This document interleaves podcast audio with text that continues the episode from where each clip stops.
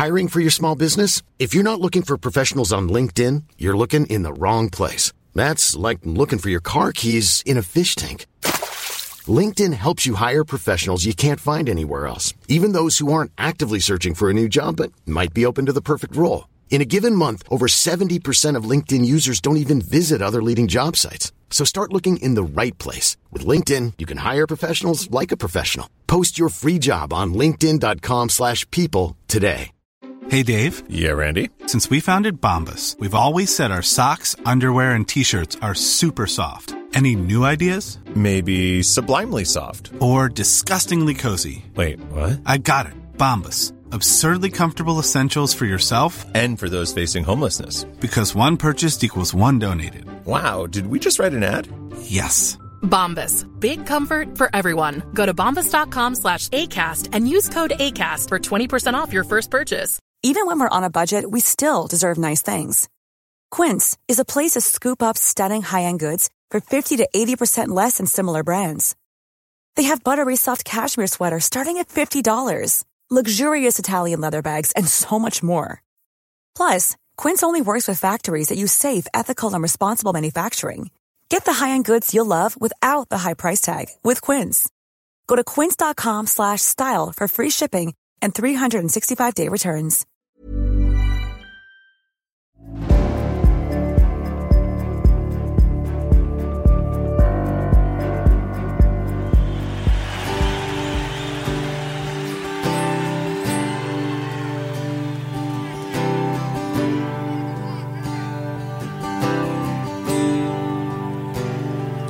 You didn't care Ja, mina kära vänner.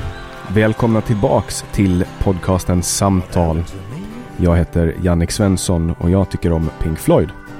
Fram tills förra helgen tyckte jag också om Roger Waters. Nej, det var före. Det är Roger Waters vi hör i bakgrunden. Han har spelat in lite nya album eller vad han nu håller på med. The Lockdown Sessions. Han låter lite cool, försöker spela gitarr. Vi ska prata om Pink Floyd, vi ska prata om Roger Waters och med mig har jag min mycket gode vän Anders Hesselbom. Tjena har- Jannik! Hej Anders. Vi har gjort det i höstas. En eh, Pink Floyd special därför att både du och jag är ju omåttligt intresserade av Pink Floyd.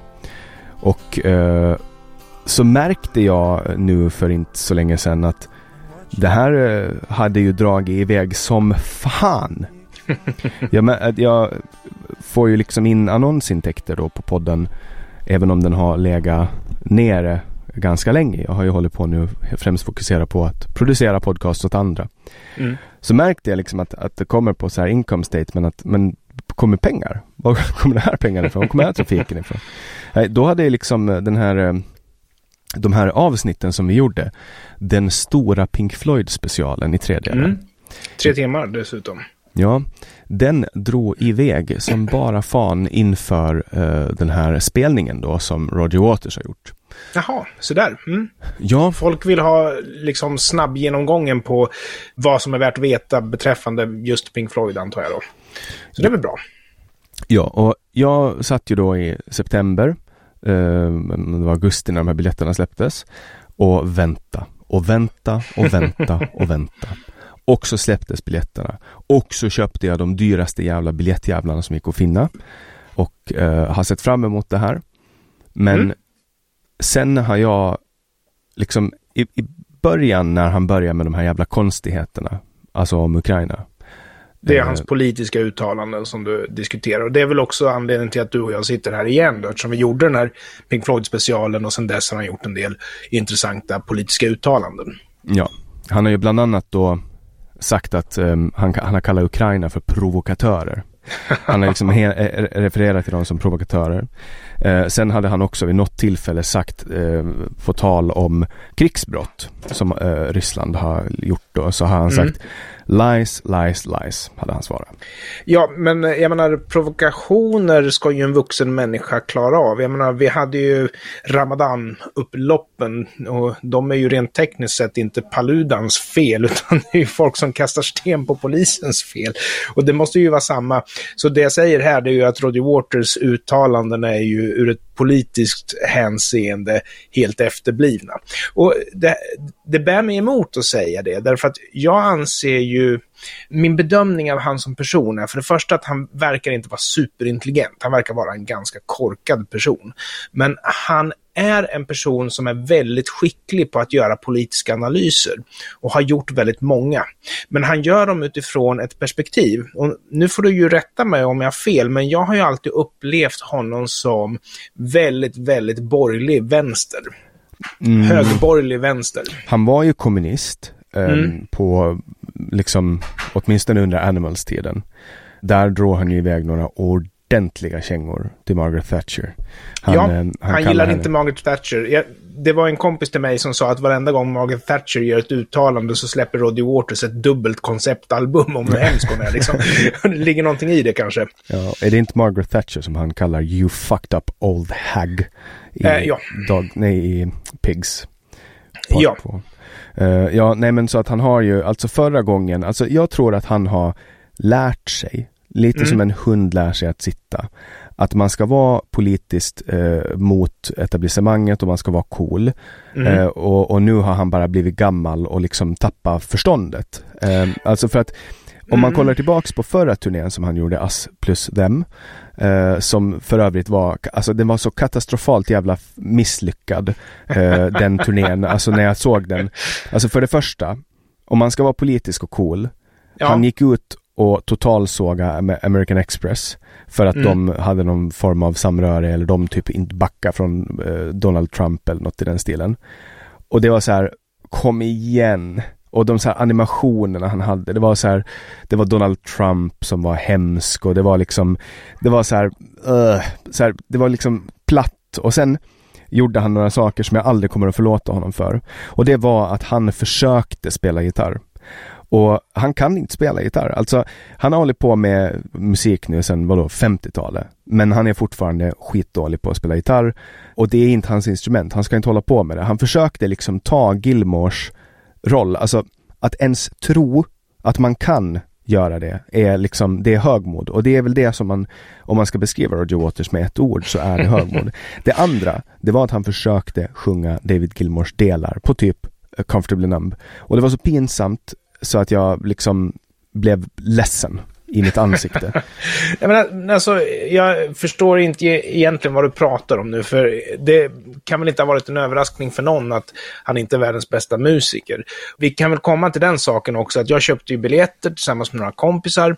Jag gick och såg Roddy Waters nu när han var i Stockholm senast. Du hade köpt biljetter, men eh, du eh, lämnade tillbaka dem, eller? Nej, jag lät dem vara. Jag sa att om det finns någon som vill ha dem så kan de få dem, men ingen vill okay. ha dem. För att, för att ingen, vem vill vara prorysk? Alltså, jag kan ju vi, kan, ja, vi tar det snart. Fortsätt berätta om, om uh, din upplevelse av, av Us and Them, för du såg den, va? Ja, ja, ja, jag har ju sett allt han har gjort eh, den senaste tiden och eh, jag var ju väldigt förtjust i Dark Side of the Moon när han var på turné med den när The Wall kom så var det självklart att jag skulle se den. Jag var iväg och såg den stora föreställningen sen på The Wall i Göteborg efteråt. Eh, jag var lite motvillig till att köpa biljetter till Us and Them eftersom jag tycker nu har jag sett den. Jag, jag kan ju också säga att jag var besviken efter Us and Them. Inte för politikens skull, för den var väldigt politisk den föreställningen. Eh, väldigt mycket, okej, okay, vi fattar, du gillar inte Donald Trump, vi fattar. Och för mig är det här billiga poänger. Men det här var ju innan då eh, hans uttalande om Ryssland. Men det var liksom en okej okay show. Och därför så, eller sådär ska jag säga. Därför så var jag inte intresserad av att köpa biljetter nu till den senaste This is not a drill eller vad den hette för någonting, den som var i Stockholm nu för, för en vecka sedan. För jag har sett honom och jag tyckte han har chanserat sedan han gjorde The Wall. Så jag var liksom inte intresserad, utan det enda som fick mig att gå var för att jag hade goda vänner. Brorsan, några kompisar, de skulle gå och de ville ha med mig, så då köpte jag biljetter. Och jag ska också säga att eh, Förmodligen gick han väl back på den där gigget för det var ju tomma platser överallt. Men å andra sidan, du hade ju betalat, så en av de där tomma platserna var ju din. Mm. Eh, det var det ena jag tänkte på. Eh, det andra som jag tänkte på, det här var musikaliskt sett. Ska vi ta, men, vi väntar med den musikaliska delen? Okej, okay. okay, vi väntar med den musikaliska, ja. bra. Alltså min upplevelse av när han var i Stockholm sist, alltså jag hade liksom, om, så här, man, sist var inte du där. Näst sist menar du eller? Gången för, alltså ASP mm. plus dem då. Så att, ja, eh, då, måste vi, då måste vi komma ihåg att så här, jag är född 1994. Mm. Jag upptäckte Pink Floyd när jag kanske var 8, 9, 10 år. Jag kommer inte ihåg hur gammal jag var, kanske 10. Någonting sånt. Mm. Jag hade hållit på med Beatles i några år. Upptäckte Pink Floyd. Blev helt liksom min barndom, det var bara Pink Floyd. Jag lyssnade på, jag hade en sån där Eh, MP3-spelare. De flesta vet inte vad det är, men det var alltså en liten enhet som man hade sin musik med kabel in i öronen och så fick man musiken så. Eh, och där hade jag liksom, man kunde ha ett album i taget eller två, tre. Så jag hade bara Pink Floyd-album och Beatles-album. Sen eh, så fick jag av min mamma, när jag var 17 år gammal, en biljett till The Wall, två biljetter. Han gjorde två konserter Um, och um, de, jag var på fel. Jag, jag kommer en dag eh, för sent. Eh, jag hade alltså en biljett på, till dagen innan och så står jag där med min syster. Uh, och hon var, då jobbade hon på Aftonbladet, hon var ganska nybakad nöjesreporter och på något jävla vänster, jag har ingen aning om hur hon gjorde, men hon såg att nu gick hennes 17-åriga överviktiga brors ansikte och hjärta sönder. Eh, stå på, utanför Globen och alla gick in med sina Dark Side of the Moon-tröjor. Eh, och så kommer hon tillbaks med en fysisk biljett. Det var inte en pappersbiljett utskriven, det var en fysisk biljett. Som det stod skymd sikt på. Jag kommer in, har fått en riktigt jävla bra plats i mitten. Det enda som hänt var att jag hade en mast, liksom en liten mast som inte ens skymde. Och där satt jag 17 år gammal ensam. Jag hade panikångestsyndrom på den tiden. Kämpade mig igenom kanske tre, fyra panikångestattacker. Och sen föll jag in i trans. Och andra gången Snowy White liksom klev upp på den här muren uh, och spelade solo till Comfortably Numb uh, så grät jag så mycket så att det var liksom en bit av mig åkte ut genom mina ögon. Och sen dess har, har liksom den där gubben uh, varit allt för mig. Men sen kommer jag på den här Asplastem-turnén då, 17-18 var den sommaren. Och den verkligen Alltså jag blev besviken men det var, jag var nöjd för jag tänkte så här, ah, det är sista gången jag ser honom, han är gammal, han ska snart dö. Man tänker att det är som Keith Richard men tror fan att jag inte såg honom i somras eh, alive. Men sen så bara två veckor senare tror jag var på Cirkus så spelade Nick Mason sitt första gig The Saucer Full of Secrets och det var fan det. det. bästa jag varit med om. Uh, och det liksom lyfte upp hela min, min, liksom mitt liv med Pink Floyd. Och sen kommer den här. Jag hör de här uttalandena, ser vad han håller på med. Det här politiskt konstiga som är, jag fattar att, att han är liksom, han vill bara vara, han bara tar motsatt sida, han är en edgelord, jag har det i mig, jag vet, jag kan relatera liksom. Men sen börjar han med att han accepterar alltså när Ryssland bjuder in honom som talare i Förenta Nationerna. Han accepterar. Han tar alltså Rysslands mandat. What the fuck? Men han har ju gjort en del ryssvänliga uttalanden. Men, men jag menar, som sagt, jag är ju lite förvånad över att du reagerar som du gör. Jag, ska bara säga att jag har väl lyssnat på Pink Floyd lite längre än du, för jag upptäckte dem när jag lånade ett kassettband av farsan runt 1980-81. Där, så, och sen eh, blev de väl inte riktigt mitt favoritband och jag ska också säga att sen när jag, liksom, när, de, när jag växte upp tillsammans med dem så växte de ju fast i mig, så jag tycker om dem. Jag är dock inte riktigt lika entusiastisk som du. De, de har aldrig varit liksom husgudar på det sättet, utan det är ett av de band som jag tycker bäst om, men det finns många band jag tycker bäst om. Sen har jag aldrig gillat Roger Waters som person. Men däremot, eh, jag menar, vi vet ju allting, vi har ju läst biografierna eh, båda två och alltihopa. Men däremot så var jag ju förberedd på det här. Men det jag uppfattade dig som, det var ju att gränsen för dig gick vid att han var prorysk. Att det var liksom gränsen för dig. Ja, och det där, det där kan man säga att växte fram. Jag förstod inte hur viktigt det här var, men jag ska förklara Nej. Eh, varför. Och det här är första gången som jag nog faktiskt berättar, delar mina upplevelser. För jag har faktiskt varit i Ukraina eh, mm. och, och nu i januari. Och det, det, är där någonstans som det börjar för mig. Um, för jag fattar liksom att det han sa, det är ju, det är ju dumheter. Vad fan håller han på med? Um, just det här med att han tackar ja till den här, han, han liksom, men sen det finns liksom vissa avgörande delar av ens liv. Som, vad, vad fattar man för beslut? Vad gör man? Vad, vad, vad säger det om en själv? Um, och i januari åkte jag till Ukraina och var där i en vecka. De första sex dagarna så hände, eller om det var de första fem dagarna, så hände ingenting. Det var liksom ingen action. Det var som att vara i vilket land som helst. Man märkte att det var liksom lite militärer och, och så eh, och vägavspärrningar. Ehm, men i övrigt så, så var Kiev som vilken stad som helst och de facto så dog det fler människor i Stockholm, eh, detonationer och eh, av skottskador, än vad det gjorde i Kiev under den här tiden. Och, men, men sista dagen så kom det 60 raketer och en av dem smällde och jag fick Oj. uppleva det och det var en, en, en mycket skrämmande upplevelse. Um, men under den här resan så träffade jag så fruktansvärt olika människor som har sådana olika perspektiv. Och det är som att jag kommer aldrig någonsin att glömma de här sakerna som hände. Alltså den känslan och samhörigheten som jag fick till den här nationen när jag såg hur de blev fullständigt våldtagna av den här enorma nationen som är Ryssland. Och den brutalitet och det våld, de massgravar, de hundratusentals oskyldiga människorna som slaktas. Det faktum att Ryssland alltså använder sig av en krigföring där de, där de verkligen satsar på att skjuta alla sina raketer på civila mål. I princip. Alltså, de siktar på civila mål. Och det här är liksom ett misstag när en, en civil dör i ett krig som någon, någon annan nation är med i. Alltså folk blir så fruktansvärt liksom reagerar. Men, men nu har det skett så mycket så att vi är bara helt vana med det.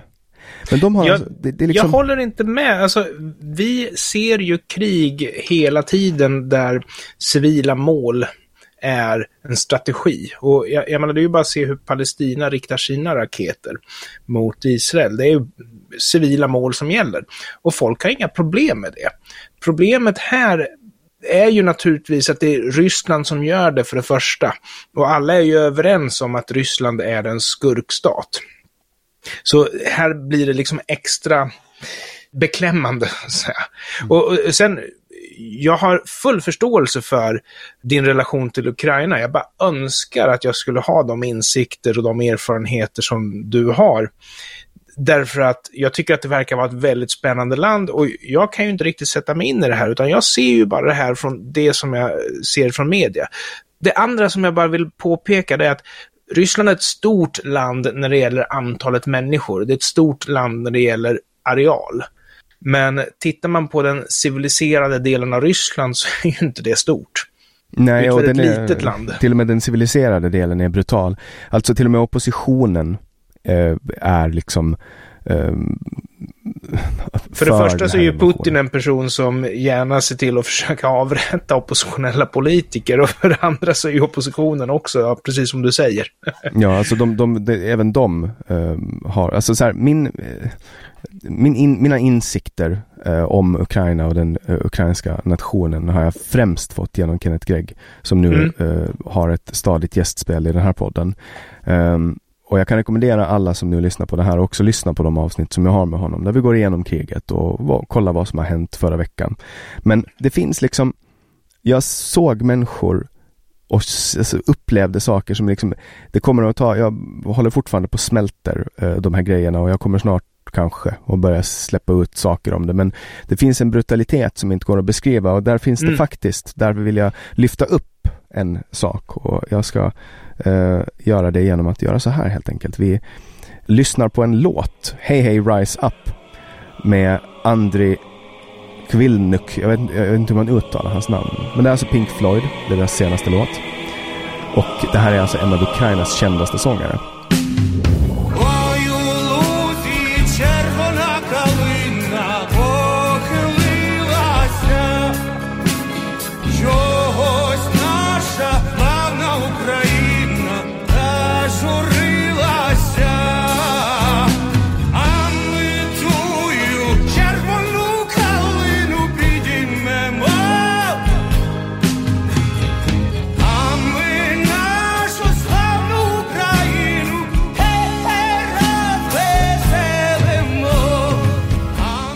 Har vi då alltså David Gilmore och Nick Mason.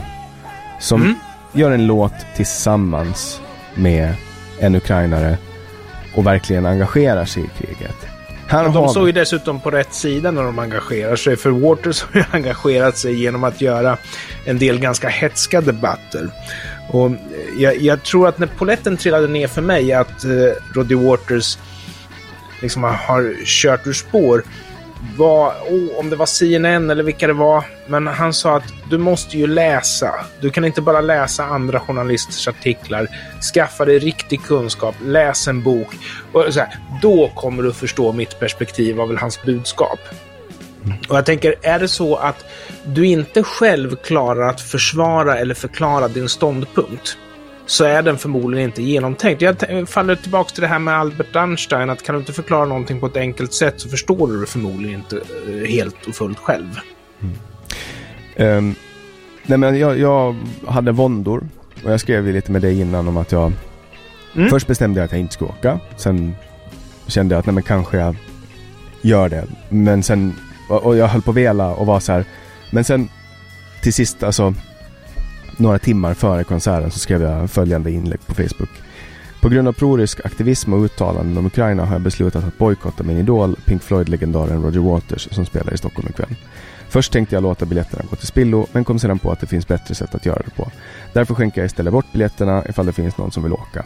Den som vill donera en slant för materi materiell till Ukrainas väpnade styrkor kan swisha mig eller haka på Kenneth Greggs födelsedagssamling som går till att köpa in drönare till den 63 graden. Slava mm. Eh, jag kan ju påpeka att, eller påpeka, nämna att eh, den här eh, insamlingen avslutar på 200 000 kronor. som Kenneth Mycket bra. det var inte på grund av mitt inlägg utan det var på grund av Kenneth. Men, det är de sakerna som jag tror att gör skillnad. Sitta och hålla på uh, säga så här, ja jag är emot krig, jag är emot båda sidors krig. Klart att man försvarar sin nation. Roger Waters, din dumma jävel. Alla krig han har hållit på med i sina texter, alltså hela The Wall, hela The Final Cut, allting handlar om andra världskriget. Han förstår krig, han vet krig, han vet vad det är. Eh, men du, när, när Sverige eh, liksom säger angående andra världskriget att vi är emot krig båda sidor, då är ju det för att vi fann det gynnsamt att stå på Tysklands sida. Ja, som man när, sålde till båda sidor. ja, när personer idag säger att de är emot båda sidor, att båda sidor krigar, då handlar ju det om att man inte riktigt vill att uh, Ukraina ska kunna försvara sig. Därför att Ukraina krigar inte de försvarar sig och det är någonting som de har rätt att göra. Men då apropå det här eh, konserten då, att vi kommer från olika håll. Jag sa ju som sagt att jag var inte speciellt sugen på att köpa konserten, eh, eller köpa biljetter till konserten, men eh, jag gjorde det på grund av att jag ville hänga med mina kompisar. Men väl där, Roddy Waters brukar köra väldigt mycket singback, väldigt mycket ligger på band, eh, väldigt mycket överdrivna sceneffekter och sånt där. Den här gången var det riktigt bra musikaliskt. För det första så håller jag inte med om att han är dålig på gitarr. Jag tycker han är skitbra på gitarr. Och eh, men, eh, den här kvällen så spelade han mest piano och sjöng. Den här kvällen var allting live. Det var inte ett jättestort band. Det var liksom lugnt och sansat. Och sen fick man ju liksom den här kallduschen i början. Ja, ja, ni som eh, jag tycker inte om Roddy Waters politik, men jag gillar Pink Floyd, ni kan dra åt helvete, typ sånt där.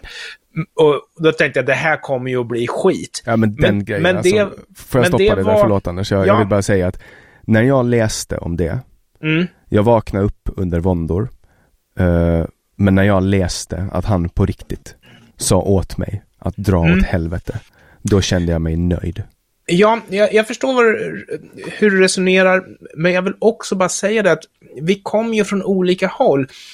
Jag skiter i Roger Waters. Det, det, det, mesta han har gjort för mig är att skriva liksom bra låtar och sådär. Sen absolut så hade jag naturligtvis en tanke på, är det bra att verkligen stödja en prorysk eh, artist? Men jag menar, vi är ju vana.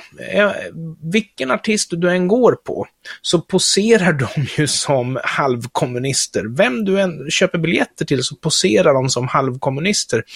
Därför att det är gynnsamt om det är så att du är rockstjärna och eh, företräder liberala värden och mänskliga rättigheter, då kommer du ju ingen vilja höra, din, höra dig spela eller köpa dina skivor. Det är bara att Roger Waters gick över gränsen. Men jag kan inför mig, mig själv försvara att jag stöttar honom med pengar i att jag anser att han är senil, han har gjort sitt.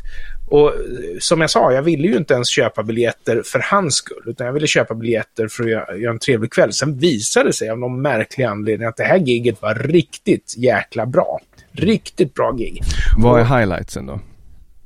Ja, till att börja med så körde han ju eh, Powers That Be från Radio Chaos. Han spelar ju inte väldigt mycket eh, musik från Radio Chaos när han turnerar. Det andra som var bra var att det var live på riktigt den här gången. Och eh, första gången de, på Dark Side of the Moon, när han körde Fletcher Memorial till exempel, då var ju liksom varannan fras låg på tejp och sådär. Men den här gången kändes det, den här gången var det på riktigt. Och eh, dessutom så, närheten till publiken. De satt i mitten av arenan och eh, man kom liksom nära honom och sådär. Eh, men då igen, Alltså, skulle vi diskutera Freddie Mercury, skulle Freddie Mercury dyka upp på en scen sådär, då skulle jag ha svårt att förhålla mig om det var så att han hade värdelösa politiska åsikter. Jag, jag menar, du, du har väl Freddie Mercury lite grann som husgud du också? Ja, jag har honom Därför, på armen. Ja, därför att när det gäller Freddie Mercury så, så är jag har nog samma idolrelation till Freddie Mercury. nu visar Jannik upp tatueringar och då har han tatuerat in den här traktorn som står en, en uh, rysk pansarvagn. uh, man kan inte dyka hade... upp med en sån tatuering på en Roger Waters-konsert, det förstår du väl själva? ja, precis. Nej, men hade, då hade jag blivit besviken. Eh, men samtidigt så är det ju så att jag vet ju om att Freddie Mercury hade ju värderingar som väldigt få personer står för. Jag kan stå för de han värderingarna. Var bög. Jag ska... Nej, jag tänker ju till exempel på hans syn på islam och sådär. Eh, han avskydde ju islam och sådär. Fine, det får han gärna göra. Det beror på vem man är. Vi ska ju komma ihåg att islam är en jäkla kolonial religion som utökar sina gränser med våld väldigt gärna. Och det är väldigt, väldigt, väldigt impopulärt att säga idag eftersom Sverige har ju placerat muslimska flyktingar väldigt långt ner i maktkedjan, i maktanalysen. Vilket innebär att vi gärna försvarar dem. Freddie Mercury gjorde det definitivt inte. Men å andra sidan så var han proffsig nog att prata politik så lite som möjligt. Han, jag tror att han var inne på Gene Simmons linje att eh, artister ska vara artister. Roddy Waters, alltså, men igen, ta vilken artist som helst. De poserar som vänster för att det är gynnsamt. Roddy Waters råkar bara ha kört i diket. Han har en övertro på sin egen förmåga eh, att göra politiska analyser. Han har varit väldigt skicklig på det trots att jag som sagt upplever honom som en totalt sett ganska korkad person.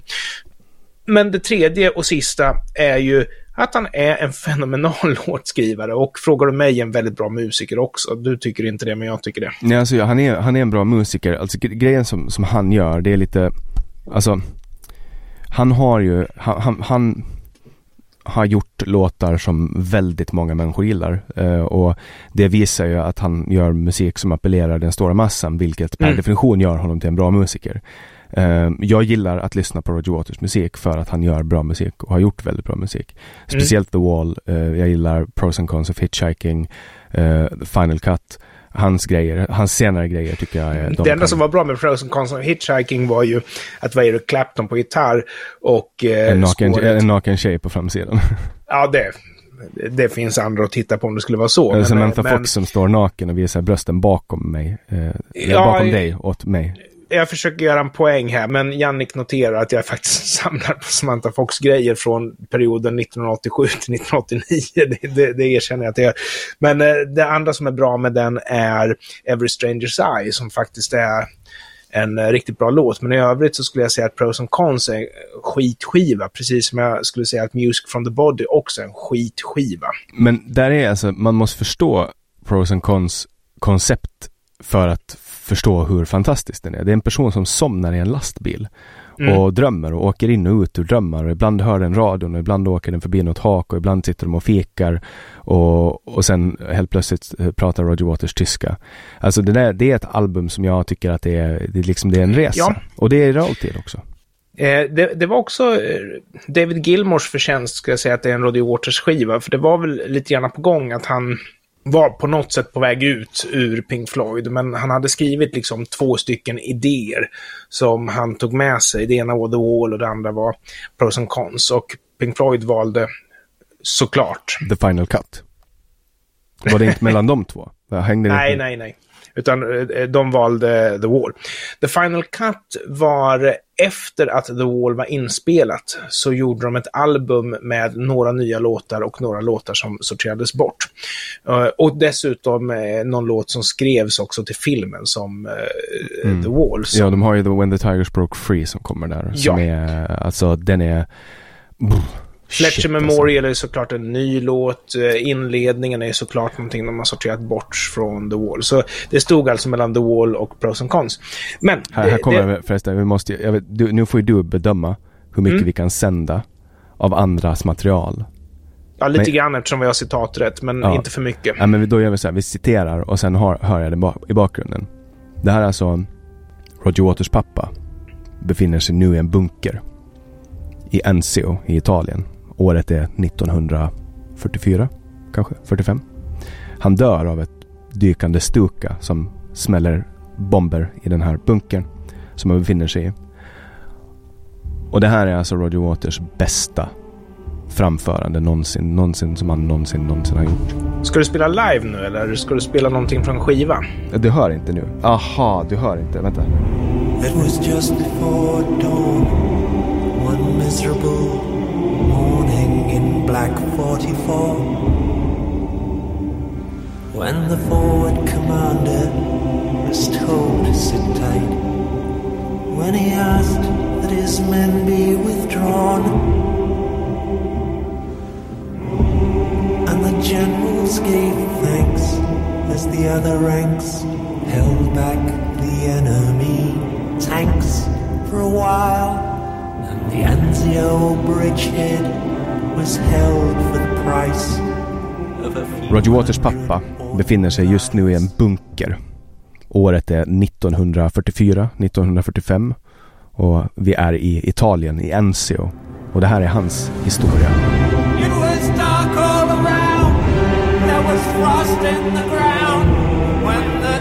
It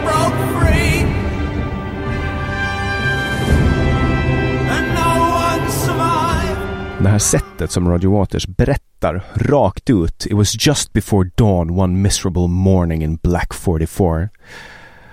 The Anzio Bridgehead was held for the price of a few hundred ordinary lives. Det här är alltså mm. Roger Waters. Men det som det är kommer... stor konst, jag håller med. Ja, och det som är, det, alltså det han gör och det som liksom är, det som gör att min fascination för Roger Waters är så enorm, det är just när han släpper det. It was dark all around, there was frost in the ground when the tigers broke free. Och då kanske man undrar, vad är en tiger? Och då har man kanske läst om panter. Eller vad de nu heter. De tanksen som man håller på med nu. Det här är alltså de farligaste stridsvagnarna som fanns på den tiden. Det går inte att säga någonting annat än att han är ett musikaliskt geni. Men eh, som sagt, han hade ju gjort några dåliga gig. As and them var ju inte jättebra. Och nu gick han ut med åtminstone musikalisk värdighet eftersom This is not a drill var fantastiskt. Och, Spelar han den här låten där? Anders? Nej, det är klart han inte gör. De här tonerna kan ju inte han sjunga live idag. Men eh, jag ska också säga, bara för att provocera dig, för att komma in till kanske kärnan till det vi diskuterar. Jag funderar på, eftersom det var bara jag från familjen som åkte tillsammans med mina kompisar, funderar på att ta med mig frugan, kanske tvinga ungarna och se den här eh, This is not a drill på bio, möjligtvis. I'm Sandra, and I'm just the professional your small business was looking for. But you didn't hire me because you didn't use LinkedIn jobs. LinkedIn has professionals you can't find anywhere else, including those who aren't actively looking for a new job, but might be open to the perfect role, like me. In a given month, over 70% of LinkedIn users don't visit other leading job sites. So if you're not looking on LinkedIn, you'll miss out on great candidates like Sandra. Start hiring professionals like a professional. Post your free job on linkedin.com slash people today. Wow. Nice. Yeah. What you're hearing are the sounds of people everywhere putting on Bombas socks, underwear, and T-shirts made from absurdly soft materials that feel like plush clouds. Yeah. That plush. And the best part? For every item you purchase, Bombas donates another to someone facing homelessness. Bombas. Big comfort for everyone. Go to bombas.com slash ACAST and use code ACAST for 20% off your first purchase. That's bombas.com slash ACAST. Code ACAST. De kommer alltså köra själva konserten på bio? Konserten kommer att gå på bio och eh, konserten kommer att säljas på Blu-ray. Så det finns chans att uppleva den igen om det är så att du ångrar dig. Det... Mm. Ja, men det är väl alltså så här. Jag kollar ganska ofta på hans framträdande i Berlin. När ja, ja, fall. 1989. Ja, och där är Eller och det, 90 var det kanske. Ja, 90 var det. Eh, Och där har vi pratat om det i vår stora special om Pink Floyd, men där har vi ju Brian Adams. eh, Mm. Och hans Han var ju makalöst bra i, i, i den. Det var så här, om någon frågar, visa mig ett klipp för att förklara 90-talet. Då är det Brian Adams när han står jeans, eh, full jeansmundering och spelar liksom på sin Stratocaster. Det är, det är riktigt jävla bra. Nej men eh, så här, min relation till Waters eh, har alltid varit ganska splittrad. Alltså när jag växte upp och, och förstod att eh, folk som röstar eh, vänster är förledda av en mängd människor som är väldigt ondskefulla. Eh, så, och, och jag förstod vad han höll på med så, så blev jag såklart besviken. Men jag har alltid kunnat leva med det. Men nu är det som att när han, det här, det här, det var liksom spiken i kistan, det här facket som han gjorde till mig. Men jag kommer aldrig att sluta lyssna på hans musik. Jag kommer, Men de, de flesta som är vänster, de kommer ju säga att eh, Ryssland är den onda sidan och det är bara SD som gillar Ryssland. Men det är de som är tokvänster. Dagens ETC och de här jävla galningarna. Det är ju de som gör lite sådana här freudanska proryska uttalanden. Och Roger Waters, han har ju gått all in batshit crazy. Men jag vill också säga att jag tror ju att de flesta artister poserar vänster. Det handlar om det man brukar kalla för politisk korrekthet. Man påstår sig ha en åsikt som man egentligen inte har för att man inser att det är lönsamt. Men när det gäller Roger Waters så tror jag att han är ju kommunist på riktigt. Han är en borgarkommunist på riktigt. ja, och han är en djävulsstrik. Så att det där är, de, de hade lite svårt med det. Jag tror att det var Rick eller Nick som samlade på Jaguarer. Eller Rolls Royce. Eh, på 80-90-talet. Eh, och hade liksom lite svårt med att de faktiskt var kommunister. Ja. och sen när det gäller pengar så är ju Roger Waters den som har dragit ur mest pengar ur Pink Floyd. Ja, han har ju splittat upp alla fucking låtar och satt sitt eget namn på dem. Det är därför det är tre delar i alla Ja. låtar. Därför att på den tiden fick man betalt per låt och Roger Waters såg till att ha sitt namn på klart flest låtar så att säga. Nej, så jag, jag vet inte om vi kommer så mycket längre med den diskussionen. Eh, Vi är ju överens om hur Roger Waters resonerar, att han är liksom batshit crazy. Jag fick se ett bra gig.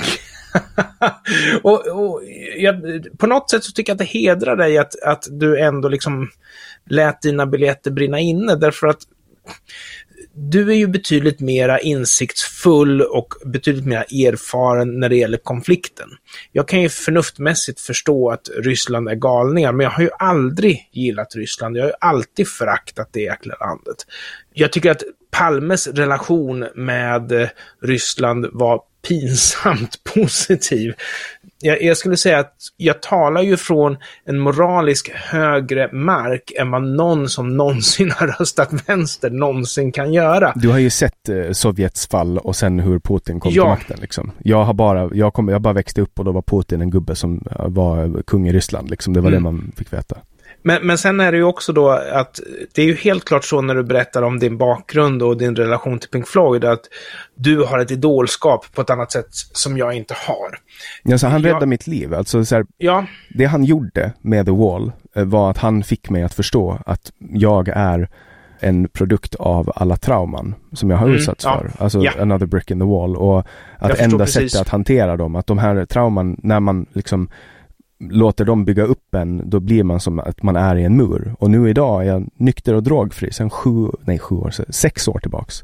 ja Eh, mycket bra gjort. Mycket bra det gjort. här- Det det ökar är dina liksom- chanser att överleva om jag säger Exakt, så. exakt. Så att han har ju liksom hjälpt mig att komma till de här Mm. insikterna. För att jag såg honom, jag ville bli som honom, jag ville vara som. Jag har på riktigt Syd Barretts namn intatuerat på min arm liksom. Och jag menar, Eh, Roger Waters själv blev väl också drogfri någon gång i början på 80-talet antar jag. jag vet faktiskt inte Nej, för han var ju riktigt illa ute när det gäller alkohol och grejer. Men uh, han har väl varit re ren levnadsmänniska åtminstone sedan mitten av 80-talet. Mm. Och det är ju därför han lever idag. mm, antagligen. Men sen har vi ju, sen har vi liksom David Gilmore och hans konflikt. Mm. Jag tror, jag hoppas, jag har alltid hoppats på att den ska lösa sig men nu gör inte jag det längre. Därför att jag, jag tror att den, den här sprickan som har uppstått när de har tagit ja. så två skilda vägar i den här frågan om Ukraina Ja. Ehm, kommer inte att gå att reparera. Och jag... Nej, och det var, väl, det var väl första ledtråden att det här inte kommer att gå att reparera. Eh, nej, första var det inte, men det var ju en tidig ledtråd. Eh, sen dess har ju Roger Waters uttalat sig om att Pink Floyd är ett värdelöst band, David Gilmour saknar talang och så vidare. och så vidare. Alltså hur kan han ens säga så? Alltså, ja, det, det liksom då, vad... då, förstår inte han eh, betydelsen av sina bandmedlemmar. Jag, jag ska säga att eh, Mason som spelar trummor, okej, okay, han kunde ha varit någon annan, fine. Och i praktiken så var han ju faktiskt också det under sessionerna på The Final Cut, därför att han är medioker. Men, men det, det var Dave som spelade trummor där, eller? Nej, studiomusiker. Eh, men sen har du ju eh, Richard Wright, inte världens bästa låtskrivare, men en makalöst skicklig keyboardist. Du har... Eh, och när han Waters... sjunger stämma på Dark Side of the Moon. Ja, ja, visst. Alltså. Roddy Waters som kanske inte är världens bästa musiker rent tekniskt, men som hanterar, han är multiinstrumentalist, han är en makalös eh, låtskrivare och så vidare. David Gilmore som rent tekniskt sett, och nu är jag ju lite hård, rent tekniskt sett så är ju inte han världsmästare.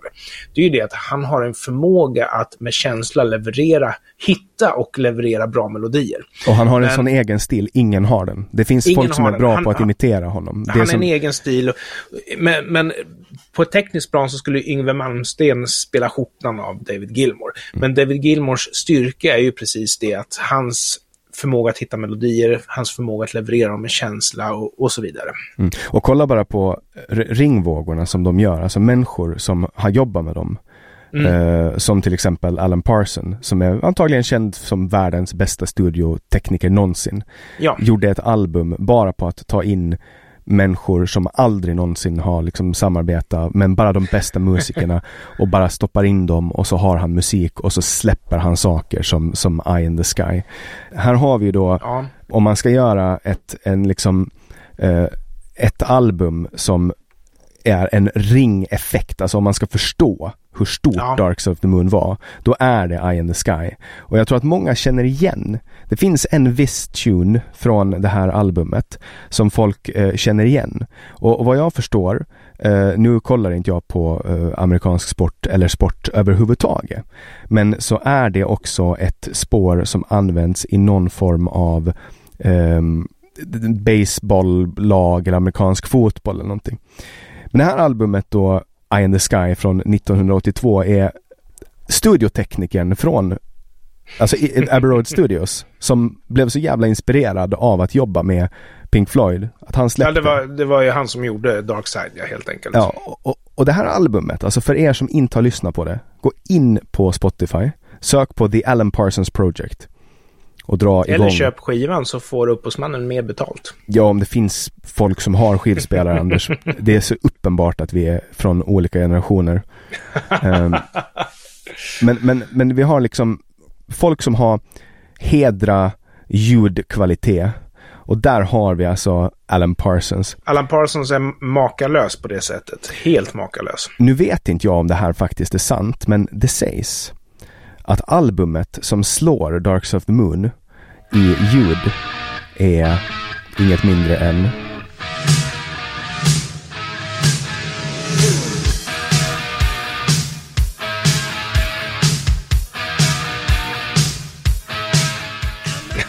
Säg du, Jannik. Pyromania av Def Leppard 1983. Jag vet inte om jag håller ja, med. Ja, det är Pyromania, det är Pyromania. Jag håller inte med. Jag tycker den är fantastiskt välproducerad, men jag håller inte med. Och en av anledningarna till att jag inte håller med det är att till exempel så finns det ju inga trummor inspelade på den här skivan. Ja, men trummisen hade ju bara en arm. Nej, han hade två armar. Han hade det ändå? Var, ja. Det var på Hysteria han bara hade en arm, men den å andra sidan är det ju trummor på. Så. Ja, men, men det, här, det fanns teknisk, inspelningstekniska skäl att den här gjordes med trummaskin, men, men fine. Fine. Men, eh. men, det sägs i alla fall, för den här låter, i min värld i alla fall, mm. som att den är lite kall. Det låter nästan som en digital. Ja, men det, är ett mästerverk, men... Men är, inte, kunna... är, är det inte mixad digital? Det här är inte gjort analog. Nej, men det är mixat digitalt. På den tiden så hade du ju möjlighet att göra det. Det enda som var analogt på den här skivan var ju själva inspelningen. Men allt annat, mastering och mixning, är digitalt. Men vi skulle ju lika gärna kunna prata om någon av Stevie Wonders tidigare skivor som är helt analogt inspelad, precis som Dark Side of the Moon var. Och de är också liksom, produktionstekniska mästerverk.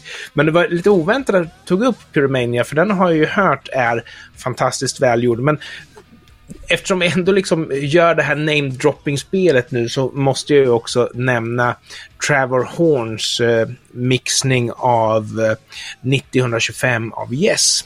Alltså, lyssna på den. Du, 1982 eller vad, vad, 3 eller vad det kan varit.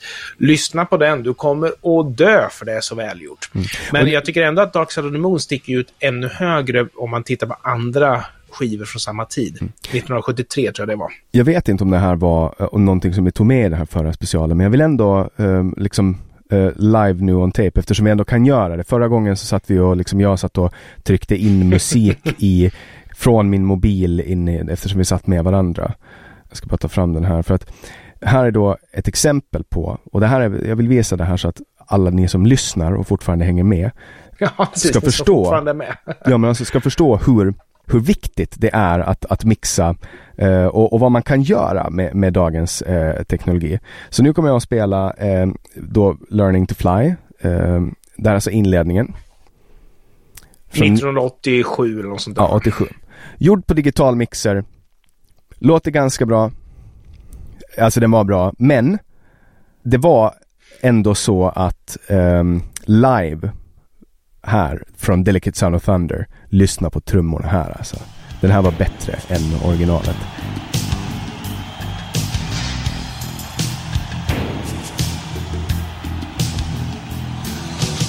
Det är ju high dynamic range på mixen här och det är ju, ja. det är ju teknik som i princip är omöjlig att göra. För det men, första måste det vara digitalt och för andra så måste det ha modern utrustning. För. Men det som hände sen, det var det här.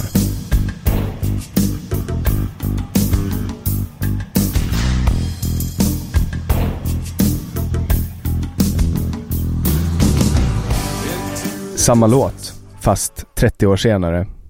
Moderna mixrar. Hör du Anders, det här är så jävla sjukt! Här har vi då, igen då, så får du en snabb. Här är alltså originalet. Som de sen digitalt har mixat på.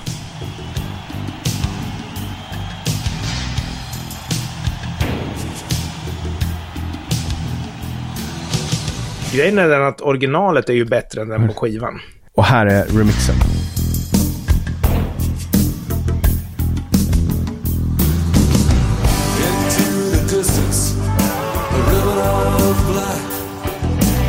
De har liksom fått bort hela, all publikbrus, allting liksom. Mm. Det här är typ som Star Wars, som de gjorde på 70-talet. Kollar man på dem nu och liksom kollar på dem som de har gjort nu, de är skitbra. När det gäller remixen av Delicate Sound of Thunder, jag lyssnade igenom den och det låter bra, men grejen är att originalet av Delicate Sound of Thunder låter bättre än originalet av Momentary Lapse Reason som låten kommer ifrån.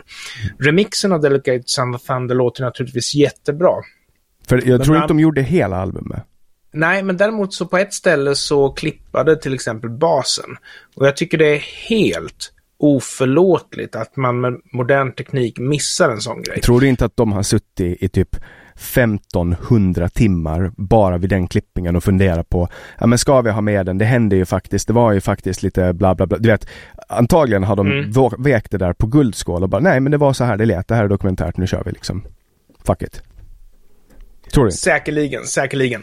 Men eh, det om det. Eh, jag tänker köpa Blu-rayen med eh, This is not a drill av Roddy Waters. Jag tänker göra det. Kan du lova mig en sak då? Okej. Okay. Du skänker dubbelt så mycket pengar till uh, nödställda i Ukraina eller till armén. Jag kan nog lova att jag skänker mer än dubbelt, därför att Roddy Waters brukar slänga ut sina Blu-rays för typ 99 spänn. Så jag kan lova att jag skänker mer pengar kan, än dubbelt. Kan du inte göra ett undantag och ladda hem den här från uh, BitTorrent? För mig är inte det ett undantag, för jag skäms inte för att ladda hem film om det är så att de inte säljs. Ja, i och för sig, den här säljs ju, men skulle det vara så att jag missar att köpa den så skulle jag inte skämmas för att ladda hem den. Därför att jag tittar ju hellre gratis än att avstå. Men eh, är det så att jag vill se en film och den finns att köpa så köper jag den självklart. Men nej, jag säger igen att även om jag inte har några moraliska betänkligheter när det gäller att ladda hem film så är det så att om marknaden erbjuder filmen, då betalar jag faktiskt för den. Det måste jag göra. Ja, alltså du är väl till och med officiellt en representant för Piratpartiet? Korrekt. Så, och deras grundidé är ju... Information wants to be free. Eller vad tänkte du säga? Nej, jag tänkte mer säga att jag vill ladda hem filmer, jag är piratpartist. Jag är också ganska smart eftersom jag är piratpartist. Typ så. Oh, ja, alltså, jag tror att det var många som drog öronen åt sig när en organisation, eller flera organisationer, stämde The Pirate Bay. Och eh, en av de som stämde Pirate Bay hade turen att få bli domare i målet. Och dömde till sin egen favör och sen gick vidare och fick ett toppjobb på ett skivbolag. Eh, jag, jag, jag tror att personer som inte är pirater kanske inte bryr sig om sådana här saker. Men jag tror att innerst inne så skaver det nog hos de flesta. Tror du inte det? Nej men det där, det där är många sådana, det finns riktigt många underliga saker som bara döljer mm. sig i, i öppen verklighet och får, får de inte uppmärksamhet eh, av etablissemanget, eh, av stor media, då, då liksom glöms de bort och det där kan vara liksom Um, alltså, människor gillar historier om uh, David och Goliat, uh, den lilla som mm. möter den stora och så vidare. Men när det kommer till uh, liksom fildelning så är det som att Ja, men om man säger, jag kommer ihåg på den tiden där eh, artister blev vansinniga om de fick radiospelningar. För de resonerar så här att varje radiospelning vi får är missad skivförsäljning. Ja, för att folk spelar in så här, med, de tryckte på tape på sin gamla kassett eller? Ja, men sen så visade det sig att radiospelningar genererade skivförsäljning och då ville man ha radiospelningar. Och då kom man istället på att, ja men nu när folk inte längre lyssnar på FM-radio utan sitter vid internet, då är det ju nedladdning. Varje nedladdning är en förlorad skivförsäljning. Då vill man liksom få bort det. Men då visade det sig att nedladdningarna genererade ju också skivförsäljning. Så jag, jag, tror att just det här att reklam är någonting som man ville kriminalisera rakt av. Jag tror att innerst inne förstår man att reklam är bra, men det är bara att man vill äga sin egen grej man vill själv bestämma över den här. Och där är ju även vi piratpartister, vi anser ju att den immateriella äganderätten är okränkbar. Men däremot så anser vi ju inte att den är riktigt så kränkt vid olika situationer som andra tänker och dessutom så vill vi ha en sansad upphovsrättslagstiftning. Så ungefär där står vi. Mm. Men det var en parentes i, i sammanhanget. Jag tror, jag tror att våra respektive bilder av Ruddy Waters har väl kommit fram, eller? Har du någonting mer du vill tillägga? Jag tror det. Uh, och uh, jag är glad att vi kunna sammanföras igen för att det var länge sedan Anders som vi satt ner och det, det var nog sist där i september. Grejen är att ja, vi, vi lever ju väldigt, väldigt upptagna liv båda två. Och det är engagemang åt höger och vänster som för oss båda. Det, det är svårt att uh, få till en träff, men jag är väldigt glad över att vi gjorde det den här gången. För det är alltid ett nöje att få sitta ner och snacka med dig, Jannik. Det är väldigt trevligt. Jag yes. försöker hitta olika sätt att locka dig till Stockholm. På tal om Stockholm så är det alltså en engelsktalande individ på en lådcykel på väg eh, mot mig. eh, och jag ska möta upp den personen för att motta en försändelse. Eh, med det sagt, jättestort tack Anders Hesselbom, självutnämnd Pink Floyd-expert, piratpartist, örebroare och väldigt, väldigt trevlig eh, herrman som också har en YouTube-kanal som du självklart ska ge en shoutout till. Tack så hemskt mycket. Vill ni se världens bästa filmrecensioner så ska ni självklart söka på Flimmerduo. Och Jannik, det är ett nöje att få vara här. Och om jag får vara lite petig så är jag inte örebroare längre, tack och lov.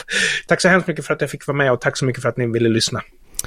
Och till er som har lyssnat, jag hoppas att ni står ut med att den här podden som heter Samtal eh, har tagit en liten sväng. Jag tror att det är viktigt att man behöver göra det man tycker att det är roligt eller viktigt.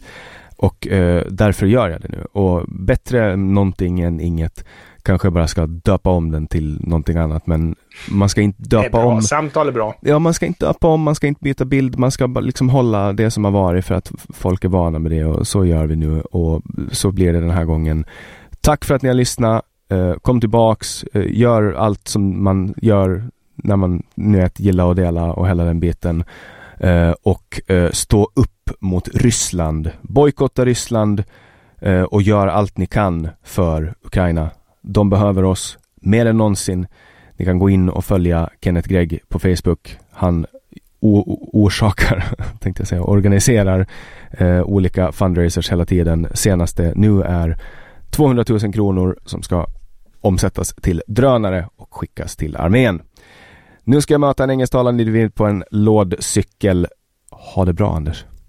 Tack så mycket, detsamma. Hej då.